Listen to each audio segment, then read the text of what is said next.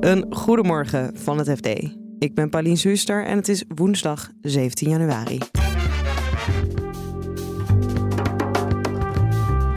Bijna niemand programmeert meer in COBOL. Maar onder andere ons betalingsverkeer draait er nog wel op. En daar moeten we een keer iets mee. Het is iets van wat mensen heel lang kunnen uitstellen. En op een gegeven moment is het probleem ineens wel heel acuut. Lex Hoefsloot stopt als CEO van Lightyear. Eigenlijk geen grote verrassing. Wat wij horen hangt het inderdaad al wat langer in de lucht dat de tijd is aangebroken om uh, het stokje door te geven. En voor iedereen die overweegt AI te studeren, een waarschuwing van de huidige lichting. Als je ziet uh, hoe leuk het allemaal is en hoe cool het lijkt, dan moet je je wel bedenken dat het natuurlijk nog steeds heel technisch is. Dit is de dagkoers van het FD. Banken, verzekeraars, overheidsinstellingen, ze werken allemaal met een zo oude programmeertaal dat het nog nauwelijks lukt om experts te vinden. Je hoort tech-redacteur Sandra Olsdoorn. COBOL is een programmeertaal, een hele oude. Um, en die is gebruikt om ja, administratieve processen te digitaliseren. Dus wat vroeger bij banken en, en bij de overheid heel veel dingen met de hand gebeurde, was COBOL een van de eerste talen uh, waarin dat soort processen werden gedigitaliseerd. En die is dus ook helemaal geschreven op, het, ja, op, op zulke systemen, administratie. Het is een hele oude taal, dus het wordt al heel lang gebruikt. Het zijn natuurlijk het zijn systemen die al heel lang bestaan. En wat je ziet is dat die systemen, uh, ja, eh, iedereen die ergens werkt waar met software wordt gewerkt, zoals wij allemaal, die kent waarschijnlijk het probleem van software wordt natuurlijk voortdurend aangepast en er worden allemaal dingen opgebouwd. En dat wordt op een gegeven moment iets heel groot en dan wordt het één grote spaghetti. En daar hebben heel veel instellingen en bedrijven ook mee te maken op het vlak van COBOL-systemen. Kan je een paar voorbeelden geven van instellingen die daar dan op uh, ja, nou, deels op draaien? Uh, banken, verzekeraars, um, bij de overheid, uh, de sociale, sociale verzekeringsbank, de Belastingdienst, het UWV, noem maar op. Alles waar informatie moet worden bijgehouden, geadministreerd en verwerkt. En die systemen op zich zijn dus niet het probleem, hè? want experts zeggen dat die taal eigenlijk, die programma's, heel goed geschikt zijn voor die taken ook. Dus bijvoorbeeld banken gebruiken het in de systemen waar het betalingsverkeer wordt geregeld. En daar werkt het echt perfect voor. Het punt is dus alleen dat die systemen zijn heel groot en heel complex geworden. Gaat er iets mis, dan heb je heel veel regels tekst, code waar je doorheen moet. Dat wil je eigenlijk terugdringen. Dat wil je, die spaghetti wil je een beetje opruimen om problemen beheersbaar te houden. Alleen het probleem wat daarbij komt, is dat er eigenlijk bijna geen mensen zijn, of dat er een enorm tekort dreigt te ontstaan van mensen die die taal spreken, tussen aanhalingstekens. Dus de programmeurs die, die COBOL kunnen. Hebben we een ehm, idee hoe groot dat tekort is? Tekort ontstaat omdat, nou, het is dus een, een oude taal. In de jaren tachtig kwamen er nieuwe programmeertalen op die veel korter zijn. Waarvan toen gedacht werd van, nou, dat gaat dat COBOL gaat dat vervangen. En toen zijn er geen mensen meer in opgeleid. Universiteiten en hogescholen gaven eerder nog wel les in COBOL. Daar zijn ze mee gestopt. En COBOL heeft het imago gekregen van een ouderwetse, uitstervende taal. Ja, een soort zeg maar het Grieks en Latijn van de computers. En dat leert bijna niemand meer. Waardoor je een behoorlijke groep uh, programmeurs hebt nu die bekend zijn met COBOL en die al die systemen nog in de lucht houden. Alleen die groep is enorm vergrijsd en die gaan de komende jaren met pensioen. Iemand zei tegen ons, dat hebben we niet kunnen checken, maar 80% van de huidige populatie gaat de komende vijf jaar met pensioen. En nieuwe aanwas is er dus nauwelijks, omdat iemand, jonge mensen die nu willen programmeren, die kiezen niet voor COBOL. Ja. Want het zijn geen systemen waar je toffe nieuwe apps mee bouwt of zo. En wat voor opties hebben die instellingen dan om hiermee om te gaan? Want het is niet dat er nu acuut straks iets omvalt. Maar je hebt straks wel niemand meer die die spaghetti kan ontwarren. We zijn wat gaan ronden. Je hoort verschillende verhalen. Er zijn organisaties waar ze kiezen om helemaal over te stappen op andere systemen. Maar ook dat is vaak een kwestie van jaren. Bijvoorbeeld de Belastingdienst heeft besloten dat ze die taal gaan uitfaseren. Maar die zijn al jaren bezig daarmee en die verwachten ook nog jaren daarmee bezig te zijn. En dan heb je daar dus wel de mensen voor nodig. We spraken Nationale Nederlanden, kiest er ook voor om het uit te faseren. ABN AMRO houdt het juist wel. Maar die kiezen ervoor om dan de systemen die ze hebben, om die, ja, die spaghetti dus op te ruimen. Om te zorgen dat, nou ja, dat het beter beheersbaar is, zeg maar. Maar ja, die moeten hun experts voor een deel uit India halen, bijvoorbeeld. Dus ja, verschillende oplossingen afhankelijk van de diensten die je biedt. Want bijvoorbeeld dus voor het betalingsverkeer is het een heel goed systeem. En zul je zien dat banken het eigenlijk wel willen houden. Maar die zullen dus een oplossing moeten vinden in het waar krijgen we de mensen om die systemen op langere termijn in de lucht te houden. En zijn hier dan grote zorgen over? Of denken mensen uiteindelijk loopt dit wel los? Ja, um, experts die wij spreken, bijvoorbeeld iemand van het Centrum Wiskunde en Informatica, waar ze zich in deze problematiek hebben gespecialiseerd. Um, ja, daar spreken ze echt wel hun zorgen uit. Het is ook iets als je in oude mediaberichten gaat, gaat zoeken, dan vind je al van nou, tien jaar terug kon je al artikelen zien van nou, dit wordt wel een keertje een probleem. Alleen ja, zoals weet je, met meer um, verhalen rondom vergrijzing. Het is iets van wat mensen heel lang kunnen uitstellen. En op een gegeven moment is het probleem ineens wel heel acuut.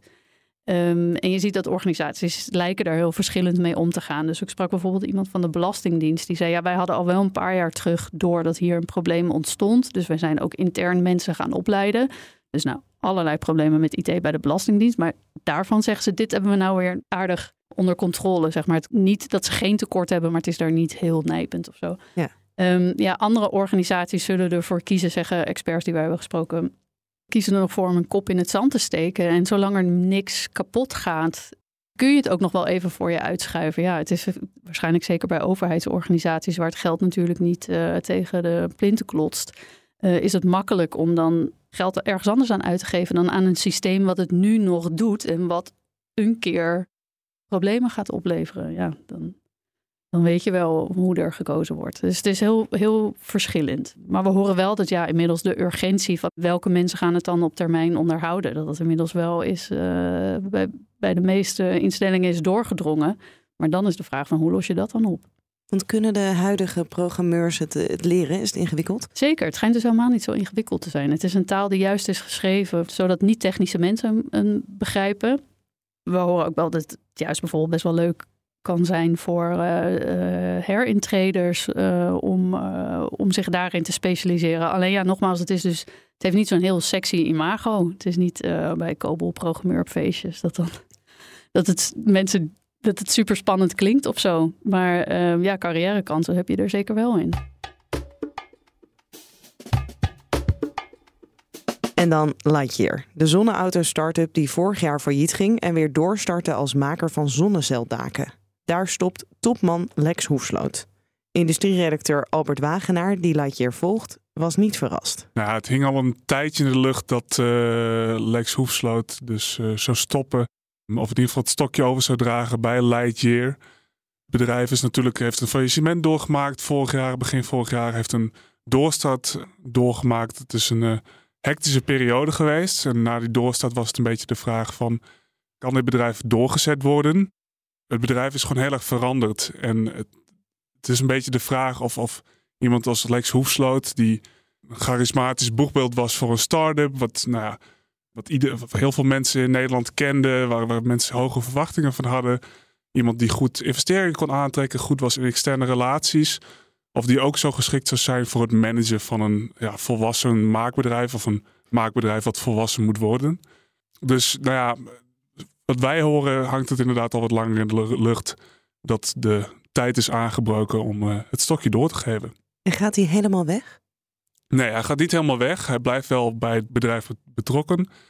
Uh, wat ik zei, hij is inderdaad dus uh, wel echt het gezicht van het bedrijf. Dus het is ook wel fijn dat je zo iemand binnenboord houdt. Ook een van de oprichters natuurlijk van het bedrijf. wat hij precies gaat doen is niet helemaal duidelijk. Strategische rol, zeggen ze zelf. Maar hoe dat eruit gaat zien, dat kunnen ze nog niet echt duidelijk maken. En wat weten we over de nieuwe CEO? Wat voor iemand is dat? Ja, de nieuwe CEO, Bonna Newman, die zit al ja, een jaar ongeveer nu bij het bedrijf. Zij doet daar iets bij de zonnetechnologie afdeling. Zij is, zover ik mag begrijpen, een nogal vooraanstaande vrouw binnen de zonnetechnologie wereld. Ze is iemand die ja, verstand daarvan heeft. Um, ze heeft vier jaar bij TNO gezeten. Waar ze ook onderzoek heeft gedaan naar zonnetechnologie, ook in relatie tot auto's en vervoer en dergelijke. Dus het is iemand die uh, niet per se uit het bedrijfsleven komt, maar wel iemand die veel verstand heeft van die technologie waar ze nu mee aan de slag gaan. En er komt niet alleen een nieuwe CEO, maar ook een nieuwe financieel directeur, een CFO. Ja, klopt inderdaad. Uh, uh, en CFO's, dat is nogal een verhaal uh, het afgelopen jaar. Ze hebben, nou, anderhalf jaar beter gezegd, hebben ze nou, vier CFO's uh, versleten. Een paar maanden voor, voor het faillissement is er een CFO-wissel geweest. Toen de oude is eruit gegaan, een nieuwe is erin gegaan. En uh, tijdens een rechtszaak die liep, die nog loopt tussen het bestuur van Lightyear en een van de curatoren, zei die nieuw aangestelde CFO, die vlak voor het faillissement binnenkwam, dat hij nou, toch een bedrijf aantrof wat um, de zaakjes niet helemaal goed op orde had. Het was wel een beetje rommelig. Nou goed, hij zat er twee maanden en toen ging het bedrijf failliet. Dus dat was ook een domper. Hij is daarna ook weggegaan, vrij vlot. En in de tussentijd hebben ze nog twee interim CFO's gehad. Dus het was wel tijd dat er iemand aangesteld werd die wat langer en wat vaster kon zitten, denk ik. Deze man, uh, Manix Borghouts, heeft de afgelopen jaren een organisatieadviesbureau gehad. In het verleden heeft hij bij KPMG gezeten. Verder weet ik ook niet zoveel van hem, dus uh, we moeten maar even kijken hoe uh, hij het gaat doen. En tot slot AI-studies. Die worden steeds populairder, merkt onderwijsredacteur Ardy Vleugels. Toch is het lastig om precies te weten hoeveel jongeren een AI-opleiding zouden willen doen. Ik kan naar een paar dingen kijken, bijvoorbeeld naar de vooraanmeldingen. Dat is aanmelden voor volgend jaar. Alleen het lastige is, we zitten pas in januari en dat loopt nog tot mei. Maar als je daarna vraagt, dan zie je eigenlijk overal dat die vooraanmeldingen echt fors hoger liggen. Dus daarin kan je zien dat die interesse er in ieder geval al is. Dat is iets anders dan hoeveel studenten uiteindelijk ook beginnen in september. Want ze kunnen natuurlijk ook nog altijd een andere keus maken. Um, ik heb de universiteiten en hogescholen gebeld die opleidingen aanbieden. En je ziet dat daar overal de belangstelling wel toeneemt, maar dat de opleidingen aan zich wel klein blijven. Ik deed een kleine losse polsberekening en dan zie je dat het echt gaat in totaal om iets van duizend studenten. En dat doen ze ook bewust, want ze zeggen ja, die opleidingen zijn intensief, heel praktijkgericht, dus heel veel ook met het bedrijfsleven. En we willen al die studenten goed kunnen bedienen, dus we kunnen niet iedereen aannemen. Dus je ziet ook dat opleidingen zeggen ja, we gaan waarschijnlijk wel ook een eh, selectie toepassen of een uh, maximum uh, op de opleiding houden, omdat we gewoon niet iedereen kwijt kunnen. Maar je moet nog steeds bedenken dat een studie als psychologie, dat trekt echt duizenden en duizenden studenten. In die orde van grootte is AI nog niet. Ik zou me misschien als student ook een beetje bang maken dat je dan een studie kiest waar nu ja, zo'n ontzettende hype om dat onderwerp heen ligt. De studenten die deze studies niet doen, die zeggen daar moet je dus ook niet in trappen. Hè? Dus als je ziet uh, hoe leuk het allemaal is en hoe cool het lijkt, dan moet je wel bedenken dat het natuurlijk nog steeds heel technisch is. En dat moet je wel willen. Dus uh, dat is één. En die opleidingen zeggen van ja, het is jammer als het een beetje als een hype gezien wordt, omdat we best wel grote maatschappelijke vraagstukken hebben, waarbij AI wel degelijk ook onderdeel van een oplossing kan gaan uh, vormen. Dus wij vinden het juist uh, interessant als uh, studenten deze keuze maken, zodat die ook op die vraagstukken gezet kunnen worden en mee kunnen gaan denken. En dat gaat de hype voorbij. En het bedrijfsleven, zit hij daarop te wachten op al die studenten? De studenten zeggen van wel. De studenten die ik sprak, die zeggen ja, als wij een stage lopen, dan wordt ons heel snel gevraagd of we bijvoorbeeld willen blijven. Uh, de opleidingen die merken het aan het aantal opdrachten wat uh, bedrijven ook neerleggen. Die zeggen ja, die bedrijven die zijn ook een beetje overrompeld door alle AI-ontwikkelingen.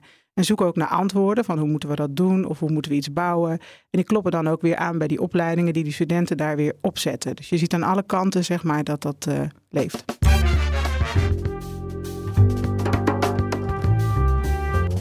Dit was de dagkoers van het FD. Wil je onze verhalen niet alleen luisteren, maar ook lezen? Probeer dan het FD vier weken voor slechts 1 euro. Ga naar fd.nl/slash dagkoers en meld je aan. Morgenochtend zijn we er weer met een nieuwe aflevering. Nog een hele fijne dag en graag tot morgen.